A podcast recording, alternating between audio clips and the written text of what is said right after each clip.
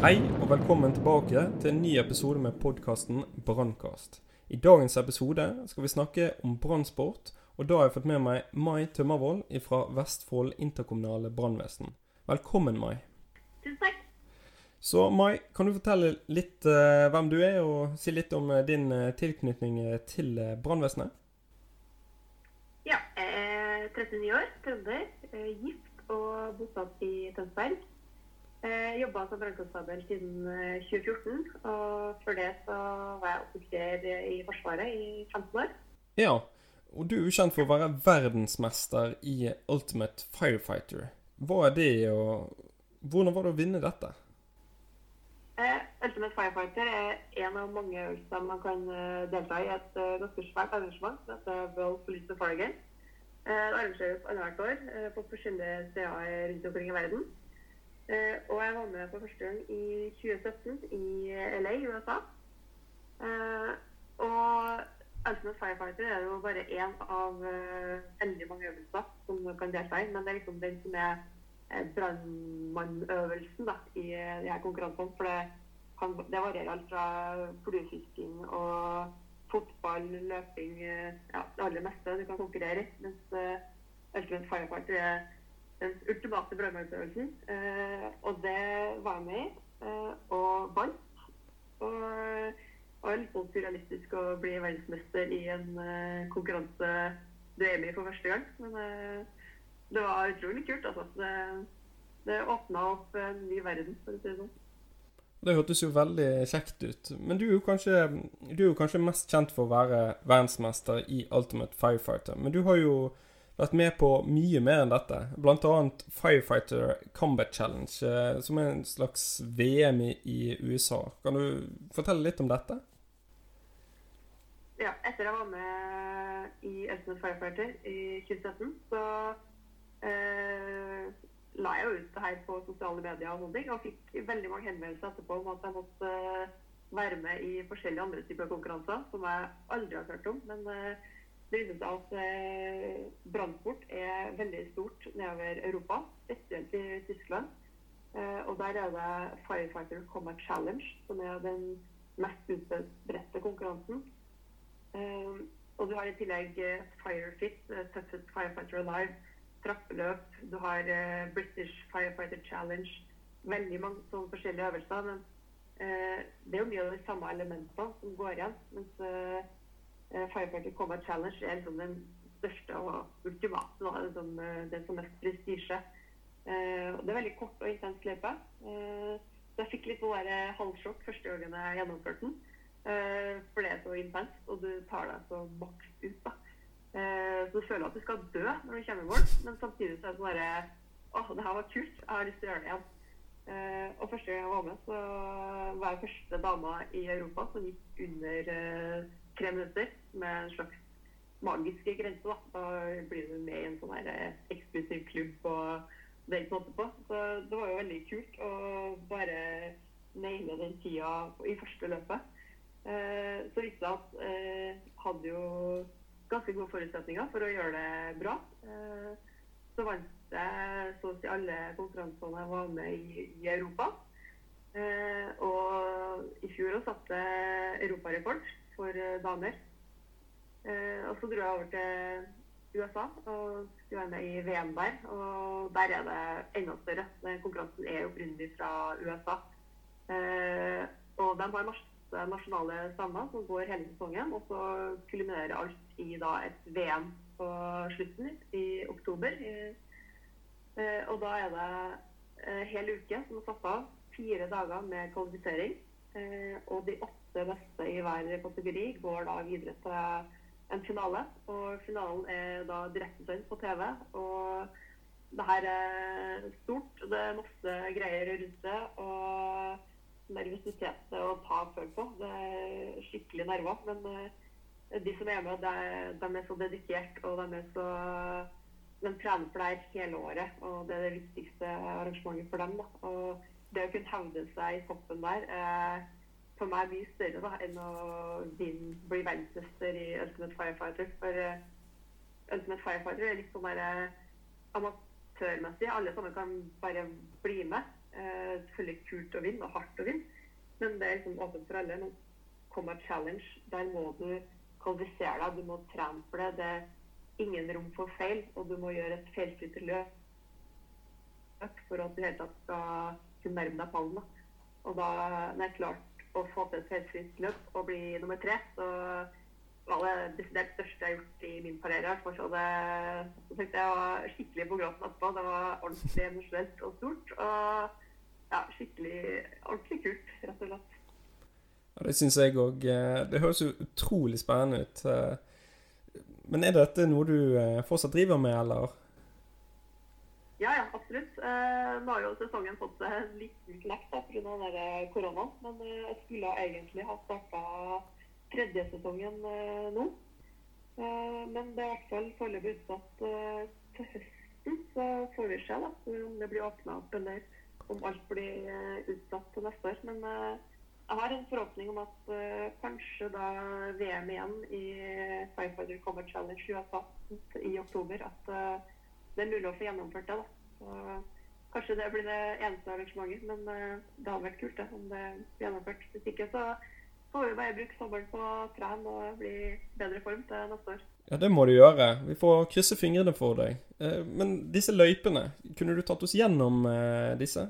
Hvordan er de forskjellige løypene i forhold til eh, hverandre, da? Jeg regner med at det ikke er samme løype i eh, Combat Challenge som i Ultimate Firefighter?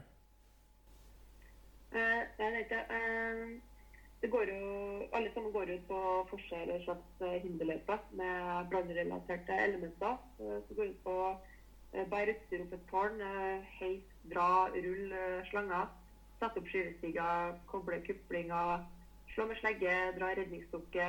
Ja, mye av de tingene der da, som vi også gjør på jobb. For at det er satt sammen i, i ei løype og går på tid. Uh, og så varierer det her da, i lengde på løypa, hvordan det er bygd opp. noe er delt opp i fire etapper.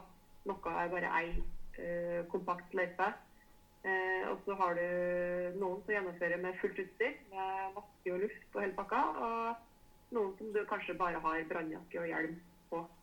Eh, så hver øvelse er litt forskjellig. Eh, og så er det Ultimate Firefighter, f.eks. Der er det jo bare brannjakka over og idrettstøy under. Det gjør det jo litt lettere hvis du skal reise hele verden for å delta. Mens skal du være med i Combat Challenge, så må du ha med deg ekstra bag med alt utstyret.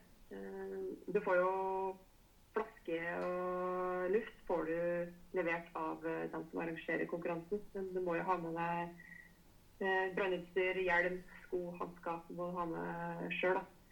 Finnes det noe landslag for eh, denne brannsporten her i Norge? Eh, Brannsport i Norge er helt i startgropa. Vi har eh, Politia stifta Brannsport Norge, som har gjennomført to eh, testarrangement i fjor et i Mjøndalen og et i Trondheim.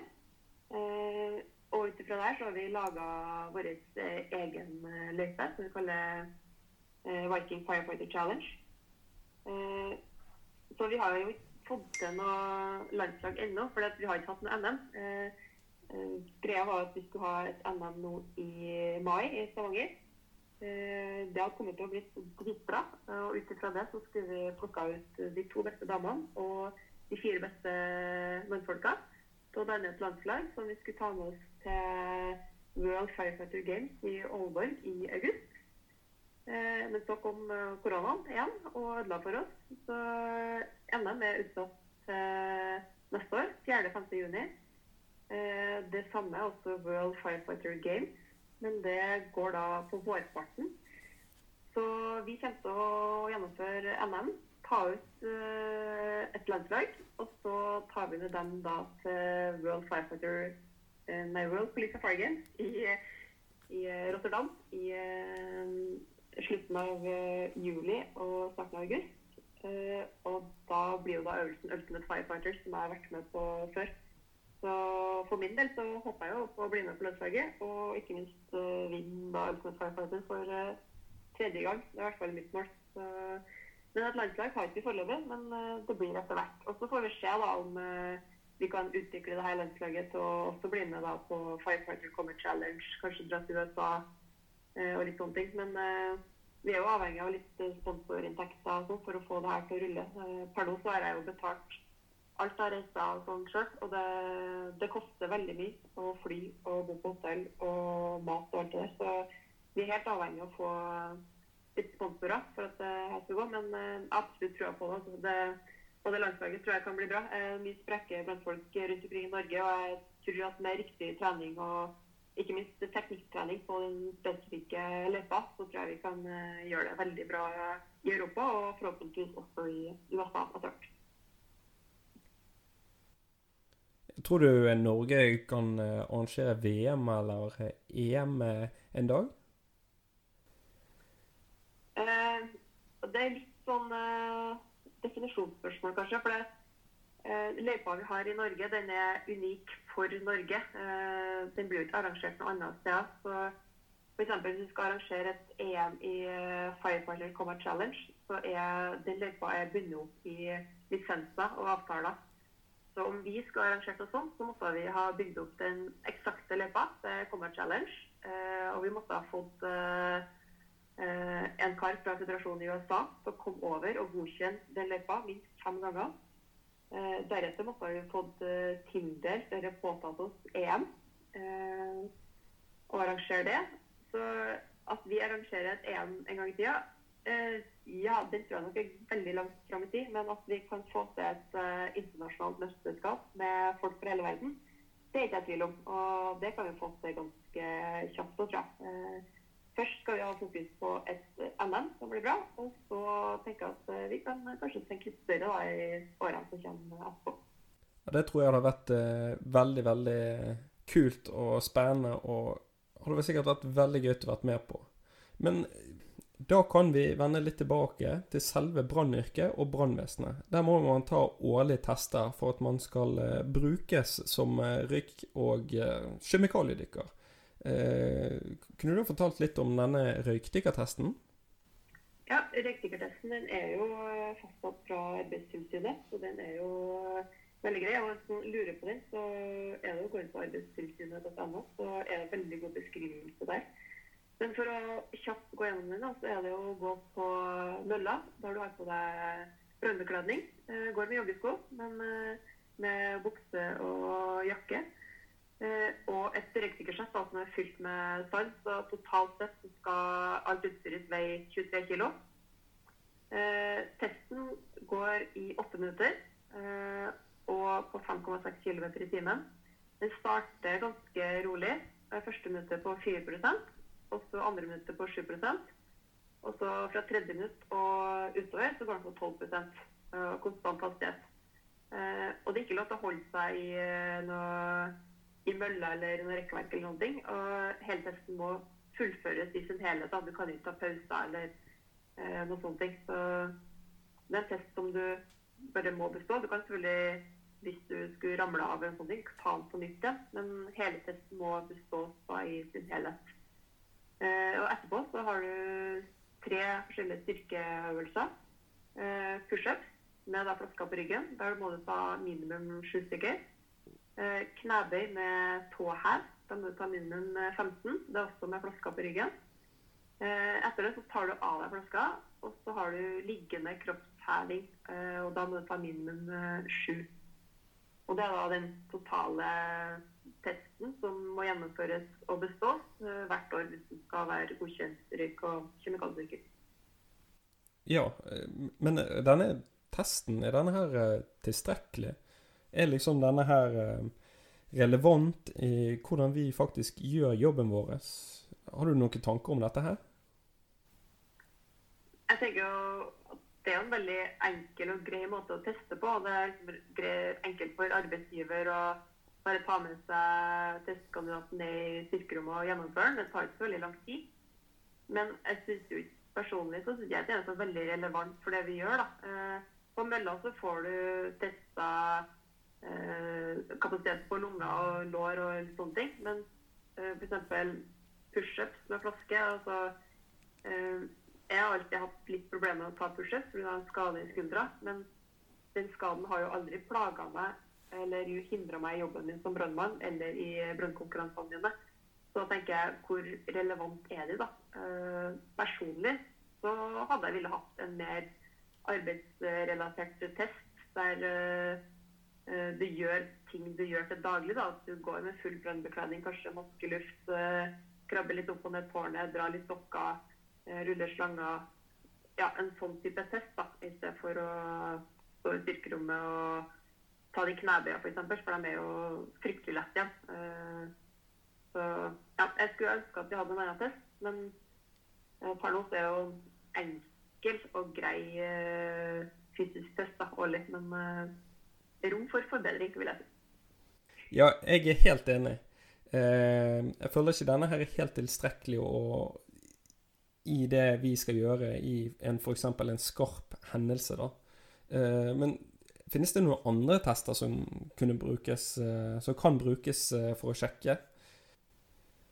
Ja, vi har jo uoffisielt litt sånn eh, andre tester, bl.a. Fredrikstad-testen. som eh, eh, Litt usikker på hvor mange år det er, men det, det har i hvert fall eksistert en del år. Og så har vi også trøndertesten, eh, som eh, de har utvikla etter Trøndelag, og som jeg vet de driver og tester ut nå. Eh, så det finnes jo flere metoder og flere forslag på det. Hva innebærer disse testene, da? Fredrikstad-testen er jo en, ja, min favoritt, i hvert fall. For det er jo veldig likt det jeg egentlig gjør eh, daglig til trening på stasjon og de konkurransene jeg gjennomfører. For det, så er det med full brannbekledning, og så er det å gjennomføre en slags hinderløype, der du eh, går med støtter opp stige, går opp og ned stige, eh, drar dukke. Ja, de elementene der som er også en god del av brannsport. Og ikke minst relevant til den faktiske jobben vi gjør. da. Eh, og trøndertesten den er eh, litt mer sånn styrkebasert. I hvert fall første del. Der har du mølletesten, eh, og du har et sett med styrkeøvelser. Men det som er forskjellen på styrkeøvelsene her, er at du tar utgangspunkt i alder, vekt og kjønn. Sett inn i en tabell som da regner ut de kiloene du skal løfte. og så beregner du ut så får du en totalscore på det du tar da i knebøy, markløft, militærpress, eh, benkpress og eh, hangups. Eh, og I tillegg så har du også 2000 meter eh, roing som en del av eh, fysiske testen. Eh, og del to etterpå der igjen er en mer innsatsrelatert øvelse. der enten det går på enkeltmann, eller du kan operere som lag.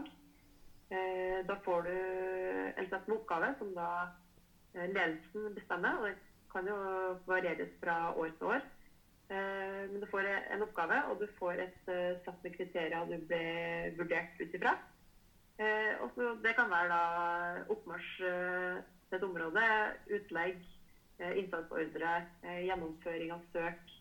Ja, flere ting. da, så Du kan vurdere enten hele laget, eller du kan vurdere enkeltmann par. Og det, jo, det, kan også kombineres med det vi har i dag, at vi har et årlig varmt, varmt røykdykk som vi er pålagt. At uh, det kanskje blir også en del av testen, at det blir litt mer uh, organisert. At det blir uh, vurdert ut fra et sett kriterier. så samla sett så det er en veldig omfattende test, men samtidig så er fysisk kapasitet også såpass viktig. da, og jeg tenker at Vi har jo tida til å gjøre det.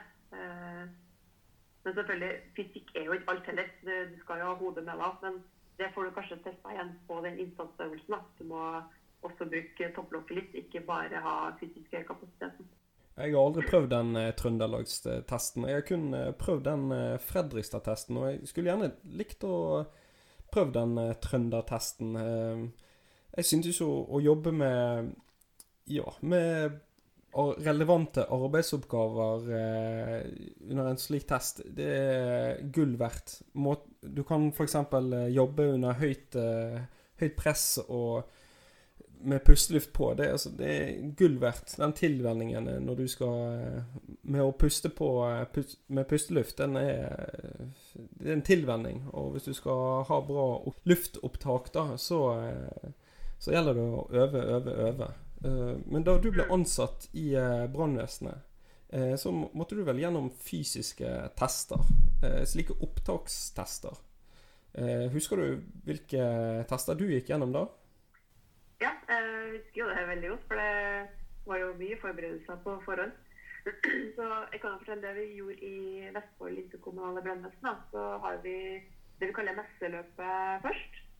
Det er 3000 meter pluss løping. Eh, veldig spesiell løype, for der går eh, første kilometer nedover, og så flatt. Og så siste kilometer rett opp, og så et par hundre meter flatt. Så, men det er ikke noe bestemt tid du må fullføre på. Det er liksom gjør ditt beste, og så sies det at du skal helst under 15 minutter, da.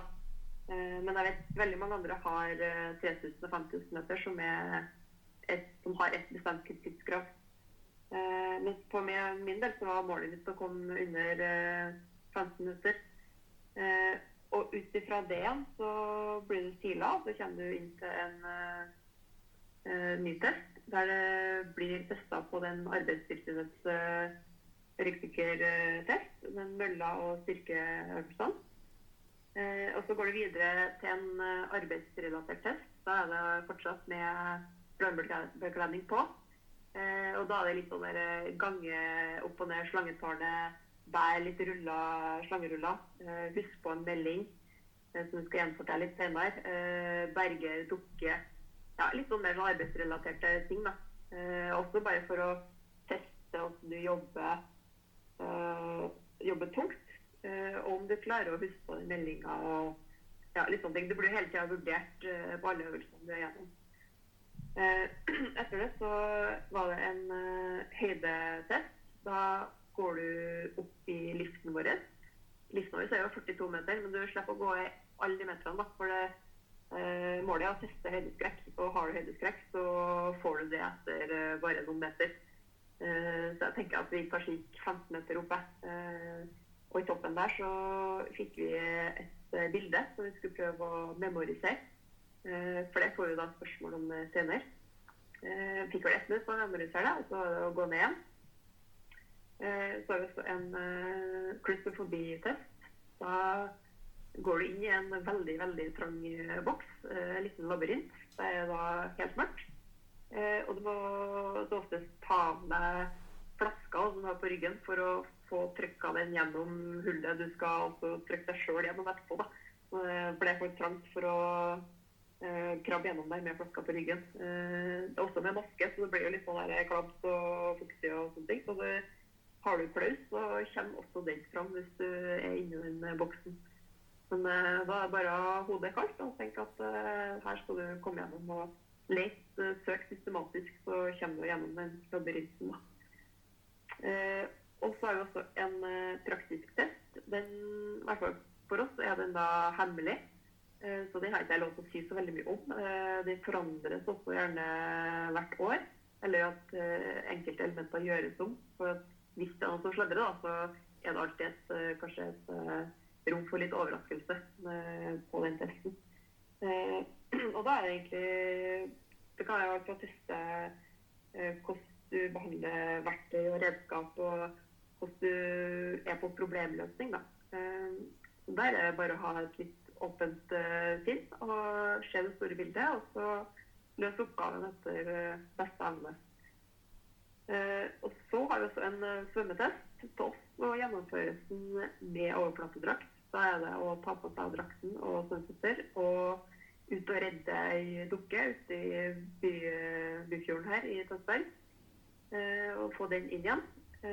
og helt til slutt så har vi da en skriftlig test og der får du ja, litt forskjellige samfunnsspørsmål.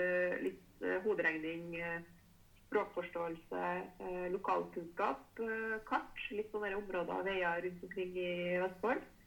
Eh, og så er det da spørsmål om eh, det bildet du fikk tidligere på dagen. Eh, da kan det være spørsmål om eh, Husker du vindretningen? Eh, hvor mange brannbiler så du? Ja, litt type tinga der, da. Eh, når du er ferdig med alt det der, så blir du da igjen sila ut til et eh, sluttintervju.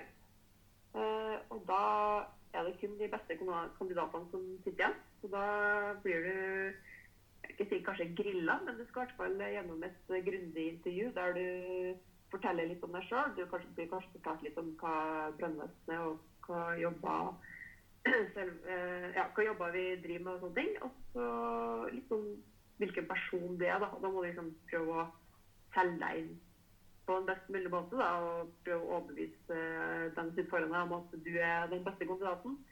Eh, og det kan jo lønne seg på forhånd og da ha gått gjennom litt eh, dine sterke og svake sider. Altså gjort en liten sjølransakelse på hvem er du, og hvorfor er det Hvorfor skal Brønnøys ansette akkurat deg? og ja, tenk gjennom litt sånne intrikate spørsmål da, som du garantert eh, får. Eh, og så er det jo vinter vente i spenning da, etter det. Så kanskje du får ja, eller så får du nei. Eller du blir satt på venteliste. Ja, veldig spennende prosess alt i alt. Ja, det er jo veldig spennende. Eh, men eh, hva var den praktiske testen? eh, Husker du det? ja, ja, ja. Nei da. ja men eh, eh, det å ha tatt litt i verktøy og de tingene der før, er helt klart en fordel. Altså vet hvordan du skal bytte bit på en eh, drill og ja, litt eh, sånne ting. Så Det er smart. Ja. Eh, Fikk du eh, jobb på første forsøk, eller? Nei, det gjorde jeg. Jeg søkte LIB først, og jeg kom ikke inn til første tidlig engang. Det ble skikkelig skikkelig skuffa, for det hadde jeg nesten forventa. Men uh, når jeg fikk, så hadde jeg ikke fagbrev. Jeg hadde kun vært eh, røra rundt i Forsvaret i 15 år. Eh, operativ eh, del der. Eh, og grunnen til at jeg ville bli brannkonstabel, var egentlig ganske tilfeldig, for planen var egentlig å bli ambulansearbeider. Eh, og så, når jeg tok utdanninga, så virka også 160-lappen. Og den ble gjennomført på Kongsberg brønnstasjon. Og først da fikk jeg jobb på brannvesenet. For da jeg tror jeg var en på eh, Kongsberg som spurte om hvorfor ikke jeg skulle bli brannkonstabel. Eller du må jo bli det, Mai. Du er passer jo perfekt til det. Og da først var det sånn Nei, herregud, jeg kan jo ikke bli det. Det er jo bare sånne svære, sterke mannfolk som er brannkonstabler. Men så begynte jeg å modnes litt, da. Og så fikk jeg jo jo litt rundt på den brannstasjonen og snakka med de folka der. Og herregud, for en trivelig gjeng. Det er jo fantastisk. Og jeg så jo de store brannbilene og ble egentlig helt frelst. Så jeg snudde om 180 grader og tenkte at kom at jeg skal bli brannkonstabel.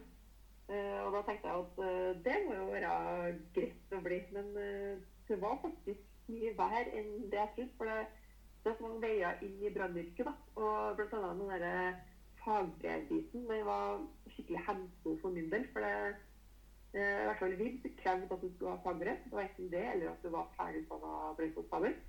Eh, også veldig mange andre brannvesen eh, eh, krevde det, eller eh, hadde det som en stor fordel da, at du hadde fagbrev. Så, men heldigvis, eh, da jeg søkte VIB første gangen, da, så fikk jeg jo avslag fordi jeg hadde ikke fagbrev. Eh, hang litt med hodet. og tenkte fanker heller. Ja, jeg får bare fortsette å søke. Eh, Søkte da Kongsberg og Sandefjord på samme tid. Eh, de hadde ikke noe absolutt om eh, fagbrev, heldigvis. Så der fikk jeg komme inn til opptak. Eh, og det er jo det det handler om, for da får du vist deg fram og snakka med folka og ja, vist dem det da. Og gjøre deg litt mer interessant for dem. Så jeg var på opptak der ca. samtidig. Var på intervju i Kongsberg, dro direkte ned og tok meldetesten i Sandefjord. Som da altså gikk på seks på to, så det var jo dritfort. Så jeg var jo så tørr i kjeften etterpå at eh, det var ganske ekstremt. Så, men det gikk jo bra, det. Jeg fikk tilbud om jobb i Sandefjord. Så kan jeg si at jeg søkte ja, tre jobber da, og fikk eh, jobb på tredje forsøket. Eh, og etter det så fikk jeg jo var halvannet år i Sandefjord. Fikk eh, den offisielle brønnkonstabilitdanninga mi, som gjorde at jeg da kunne søke til VIP i Tønsberg, der jeg. Så Jeg hadde ikke noen plan om å uh, slutte i Sandefjord, for jeg likte meg veldig godt der. Men uh, når muligheten åpna seg, så tenkte jeg at det var veldig kjekt å jobbe i den byen jeg bor i. Så veldig takknemlig for Sandefjord, som ga meg muligheten. Uh, og nå så tror jeg også at jeg har fått vibb til å lette på det kravet om uh, fagbrev. Så når vi nå mest sannsynlig skal til høsten, så tror jeg vi åpner opp for flere enn kun de som har fagbrev. Så det er jo det er veldig bra. Men uh, det er også viktig å tenke at du nok sannsynligvis ikke får jobb på første forsøket. de, de aller fleste må søke kanskje ja, fem og ti-tjue ganger før de får en jobb. For det er utrolig hard konkurranse om å bli brønnkonstabel. Det er som regel flere hundre søkere på, på de stillingene. Eh, og det er så mye gode kandidater. Det er folk som tenker at de skal bli brønnkonstabel fra de er seks år gammel og har det som mål og gjør liksom alle de riktige tingene. Har et fagbrev, eh, får god erfaring. Eh, tar masse kurs eh, retta mot det å bli brannkonstabel. Så du må liksom du må vite hva du konkurrerer mot, og så må du gjøre ditt ytterste da, for å posisjonere deg på en måte, for å klare det her. Det, det er ikke bare den fysiske styrken, det er bare en liten dråpe. Du må liksom ha det faglige, faglige på plass da, for å bli betrakta som brannkonstabel. Ja, det handler jo om den eh, totaliteten. Eh, det virker jo som du har truffet veldig bra når du eh, har valgt yrke nå, da. Men hvordan var, opptaks, hvordan var, disse opptakstestene i Forsvaret da du var der, da? Eh, det er jo mye likt, da. Det er jo 3000 meter og styrke og svømming eh, der òg. Forsvaret har forandra seg litt etter hvert. da jeg var der, så var det 3000, ja. Og gjerne 14 eller 15 minutter. Eh, de har jo differensierte krav i forhold til mann og dame. Eh, så har du pushups, situps og henges, og da horisontale for damer. Eh, og 200 meter rein svømmetest. Mens nå så har de bytta om noe så spennende som stille lengde, ballkast og henges. Ballkast, ja. ja. Så det er veldig forskjellig. Men det, jeg tror tanken bak ballkast er at uh, du skal da Da står du med begge beina i bakken og du kaster en uh, stor, tung medisinball. Så da må du jo bruke hele kroppen. både kjernemuskulatur, armer, bein og det som er. Så de har nok en tanke bak de her øvelsene. men selvfølgelig ballkast Ja, du bør øve litt på det selvsagt. Men men testet, altså, det er jo mye likt det som testes. da. Eh, og I tillegg så er det jo også ganske omfattende teoritester der. Mye evnetester eh, i Forsvaret. Og spesielt hvis du skal jobbe som flykryss, som jeg gjorde siste halvdel eh, av karrieren i Forsvaret, så er det ekstremt med tester. Da er det veldig mye motoriske eh, tester, datatester som går på oppfattelse og multikapasitet og de tingene der. Så de har jo en lang tradisjon med test av både mental og fysisk eh, styrke. Da. Hva tror du er det mest utfordrende med de eh, fysiske testene? Da, da tenker jeg eh, i brannvesenet, da. Ja, eh, de fleste jeg får jo fryktelig spørsmål eh, om karer fra spesielt damer uh, som har lyst og har prøvd seg som, uh, på opptak i brannvesenet. og spesielt for dem som er litt eh, kortbeint, så er det møller som kan være et problem. Og det er kanskje vi brannvesenet har litt skyld i det òg, for det testklærne våre er som regel størrelse large eller XL. Og hvis du da kommer som 1,65 eh, høy og skal ha på deg XL-bukse, så er det jo klart at det blir mye å vasse i. Eh, så de, de som er litt kort i fotene, de syns mølla kan være slitsom. og det har jeg forståelse for. Samtidig så er det jo den pushupsen, også igjen spesielt for damer, som er er litt vanskelig. For det, vi har jo mye mindre muskulatur i overkroppen enn mannfolka. Eh, på motsatt side så vi, er vi ganske godt rusta i lårmuskulaturen. Så eh, beinbøy det er som regel eh, lett for oss, mens pushups der må vi øve litt. Og jeg husker jo sjøl da jeg tok første forsøk med den 18 kg fakta på ryggen. Jeg gikk jo rett i bakken fra hvis jeg klarte én engang. Så det er viktig at du da bygger opp og øver spesifikt på de øvelsene her. hvis du skal ha noe mål om å gjennomføre og klare dem. Ja, jeg er helt enig. Altså, det er jo noe du må jobbe med over tid. Da. Eh, denne styrken. Eh, det virker jo som du har eh, god peiling på trening. så hva slags trening vil du anbefale de som, de som har tenkt seg inn i brannvesenet? Ja, jeg er jo personlig blitt hekta på crossfit de siste årene. Og jeg syns det er en veldig god treningsform, for der får du løfta tungt eh, med litt høy puls. Eh, og du får også den mentale treninga, at du får pressa deg sjøl. Kanskje gjennom flere reps enn du normalt ville ha klart. Eh, løfte litt finger. Ja, generelt presse deg sjøl, da. For det er ikke hemmelig at skal du bygge muskelmasse, så må du utsette muskler for stress, og mer stress enn de egentlig tåler. da. For hvis du bare trener på den samme jevne intensiteten hele tida, så blir du ikke noe sterkere. Da bare opprettholder du en jevn fysisk form, men du får ikke noe framgang. Eh, så det er jo viktig å eh, utfordre seg sjøl. Eh, trene tungt. Kanskje spesielt for damer igjen, da.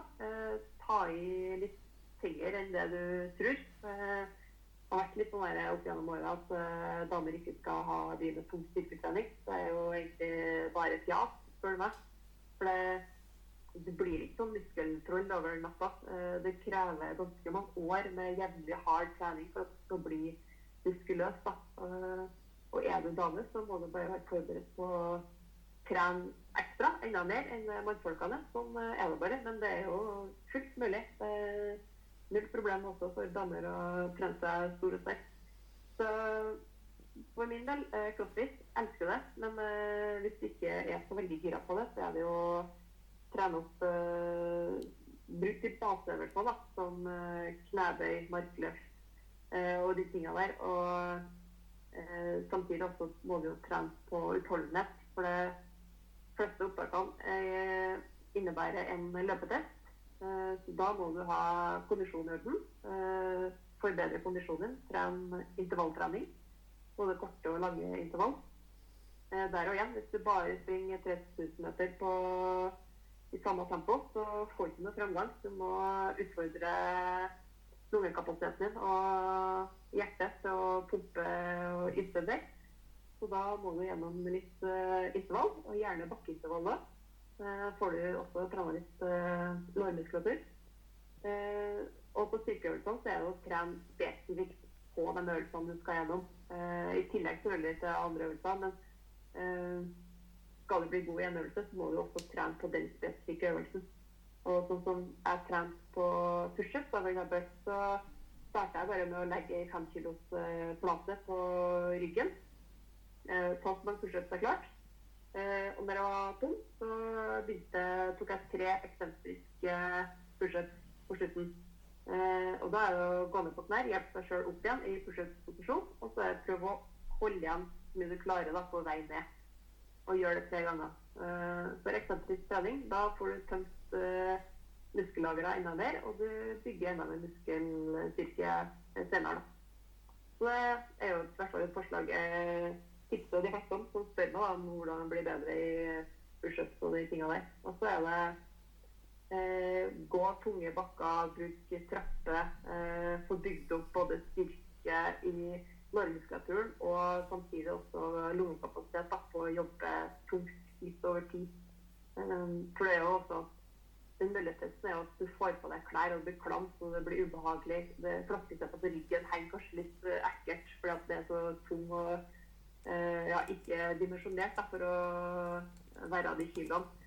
Uh, så liksom, det blir sånne ting som er en irritasjonsmoment. Så jo dårligere trent du er, jo verre blir det, og jo mer blir du psykisk påvirka av sånne småting da, som ikke helt stemmer. Eller, ja, så, eh, fysisk kapasitet er jo ikke alt, men det gjør det aller meste så mye enklere da, hvis du har en god fysikk. Ja, jeg, jeg, er helt enig. Men de som jobber i brannvesenet, hva slags trening vil du anbefale de da, i korte trekk? da? ja, personlig så syns jeg jo det er helt gull å jobbe i det utstyret og de klærne jeg bruker på jobb. Eh, jeg varierer jo en god del. Jeg har jo kun økter i styrkerommet der jeg trener eh, knebøy og ikke minst stabiliseringsmuskulatur. For det, eh, vi må jo tenke på at vi skal ha jobben her hele livet før vi går av med pensjonsalder. Og da er det utrolig viktig med spesielt kjernemuskulatur. At du opprettholder den. Tenker på rygg, mage og skuldre. At du får styrka det. Eh, gjør litt sånne eh, småøvelser, stabiliseringsøvelser, kanskje litt mer sånn yogarelatert. At du tar med litt tøying og uh, tar litt mer vare på kroppen din. Og ikke bare spille fotball eller uh, innebandy, som jeg vet veldig mange gjør. Eh, og så har jeg en andre økt igjen, så kan jeg ha på meg fullt utstyr, på med maske, eh, trene, springe opp i tårnet, springe runder rundt stasjonen, dra treningsstoffer på 80 kg Eh, gjør de tingene der både for å eh, bruke hele kroppen, uh, bli kjent med utstyret mitt, det å puste og svette inni en maske, det er sånn der, spesielt ved det òg. og så er det å kjenne hvordan du reagerer og hvordan oppfatter at du begynner å få litt lite luft. Da, og kanskje også til og med gå tom for luft. hvordan den følelsen er. hvor lang tid har du fra fløyta begynner å plystre på 50 bar igjen, eh, til du faktisk er helt tom for luft. Eh, litt sånne småting som jeg syns er greit å få med i tillegg sånn at du får en veldig god fysisk treningsøkt. Ja, det tror jeg er veldig, veldig lurt. I hvert fall det med å puste. Eh, det er jo en tilvenning, og hvis du har f.eks. gjerne vært sjåfør over lengre tid, så, så har jo du gjerne gått lenge uten å pustet i en slik pustemaske. Og jo, bedre, jo mer du puster i en slik pustemaske, så eh, jo, jo, mindre luft bruker man, da. Eh, men eh, nå i koronatiden så er jo gymmene stengt. Og det gjelder jo kanskje også på flere brannstasjoner. Hvordan er dette for deg og ja, dere i VIB? Eh, takk og lov så er det ikke stengt folk. oss. og det er jeg så takknemlig for, for det er et stort nytt punkt i hverdagen akkurat nå. Det å ha den gymmen. Det er selvfølgelig kommet restriksjoner. Vi har jo en uh, gymsal. Der har vi ikke lov til å spille innebandy og type kontaktsport, men vi kan bruke hallen til annen type trening som ikke medfører kontakt. og så er det regler på at vi skal holde avstand i treningsrommet og ha god håndhygiene og så rengjøre apparatene og sånn etter oss. Eh, og så er det kun dem som er på vakt, som får lov til å trene der. Så jeg kan ikke på en fridag dra ned og trene.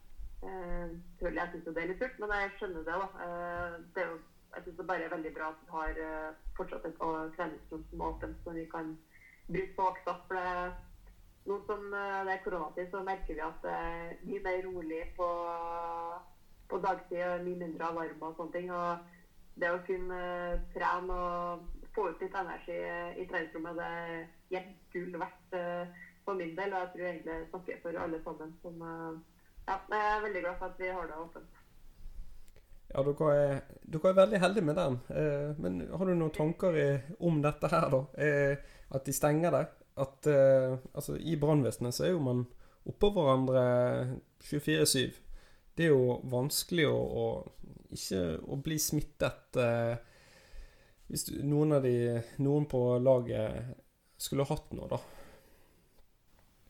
Ja, uten å være smitteekspert eller noe sånt, så eh, jeg ser ikke grunn til å stenge ned treningsrommet. For som du sier, vi er, vi er jo oppå hverandre hele tida uansett.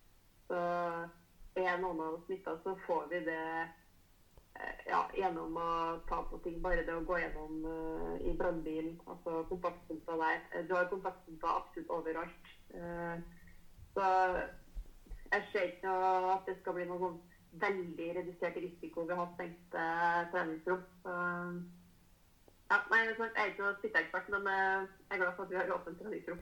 Ja, jeg, jeg er ikke noen smitteekspert, jeg heller, eh, så det er vanskelig å si noe, si noe på det, da, sånn sett. Men jeg syns det er utrolig synd at noen av de har det stengt, da. Det, det må jo jeg si. Men over til trening på jobb. Noen har jo lange og tunge økter i, i løpet av arbeidsdagen. og Da tømmer jo man lagrene. Er dette virkelig så lurt? Er ikke det energi som vi trenger når det virkelig gjelder? Man må jo være 100 eh, Ja, man kan jo på en måte si det. Men eh, også kunne vi jo sittet på ræva hele dagen og venta på at alarmen skulle gå. Men eh, vi må liksom vi må kunne øve og trene også på jobb, og også når vi er på beredskap. Men eh, jeg tenker at det er jo noe egentlig hver enkelt må kjenne litt på og avgjøre sjøl hvor hardt man uh, trener. For det, Man bør alltid ha i bakhodet at når som helst så kan den alarmen, alarmen gå. Og du må være klar for en ryggdykkerinnsats. Men jeg tror at det for den som er vant til å trene hver dag og trene hardt hver dag, så om du har økt, så vil, vil du alltid ha litt kapasitet også etterpå eh, for å gjennomføre en innsats. Eh, og for min personlige del, så jeg tenker jo gjennom om jeg er eh, om jeg er sjåfør på mannskapsbil eller om jeg er røykdykker den dagen, så legger jeg jo litt opp løpet etter det. Jeg tar jo ikke den tyngste reinøkta og tømmer lårene mine helt hvis jeg vet at jeg er røykdykker. Og bare rett etterpå kan være nødt til å lade opp i boligblokk. Så jeg har litt det i bakhodet, og samtidig som jeg gjør litt forberedelser. Jeg har alltid et tørt klesskift eh, klart og vann og noe mat i bilen som jeg kan trekke meg hvis alarmen går under trening. Så nå har jeg tenkt litt, sånn, eh, litt uh, smart. da. Og som sagt, vi, skal alltid være klare til å yte den beste innsatsen.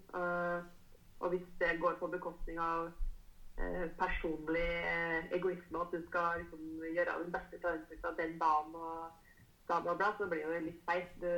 Vi er jo på vakt for uh, lokalsamfunnet vårt, og det er hovedoppgaven vår. Så ja, så vi må helt ta hensyn. Men uh, at vi skal øve og trene i arbeidstida, det er jo helt, uh, helt med på. Men ja, jeg alltid hatt det i bakhuet, da. At uh, alarmen kan gå når som helst. Ja, jeg vil jo oppfordre alle å gjøre det samme som deg. Eh, det hørtes egentlig veldig veldig smart ut. Tenk ut hva eh, hvilke din, eh, hvilken rolle du har i, eh, i laget den dagen, og trene ut ifra det. Men eh, da, Mai, da er vi nødt til å runde av episoden. Tusen takk eh, for at du tok deg tiden til dette her. det setter vi utrolig pris på. Du, det var kjempeartig. Jeg kunne jo skravla i timevis, i hvert fall om Brønnøysund. Ja.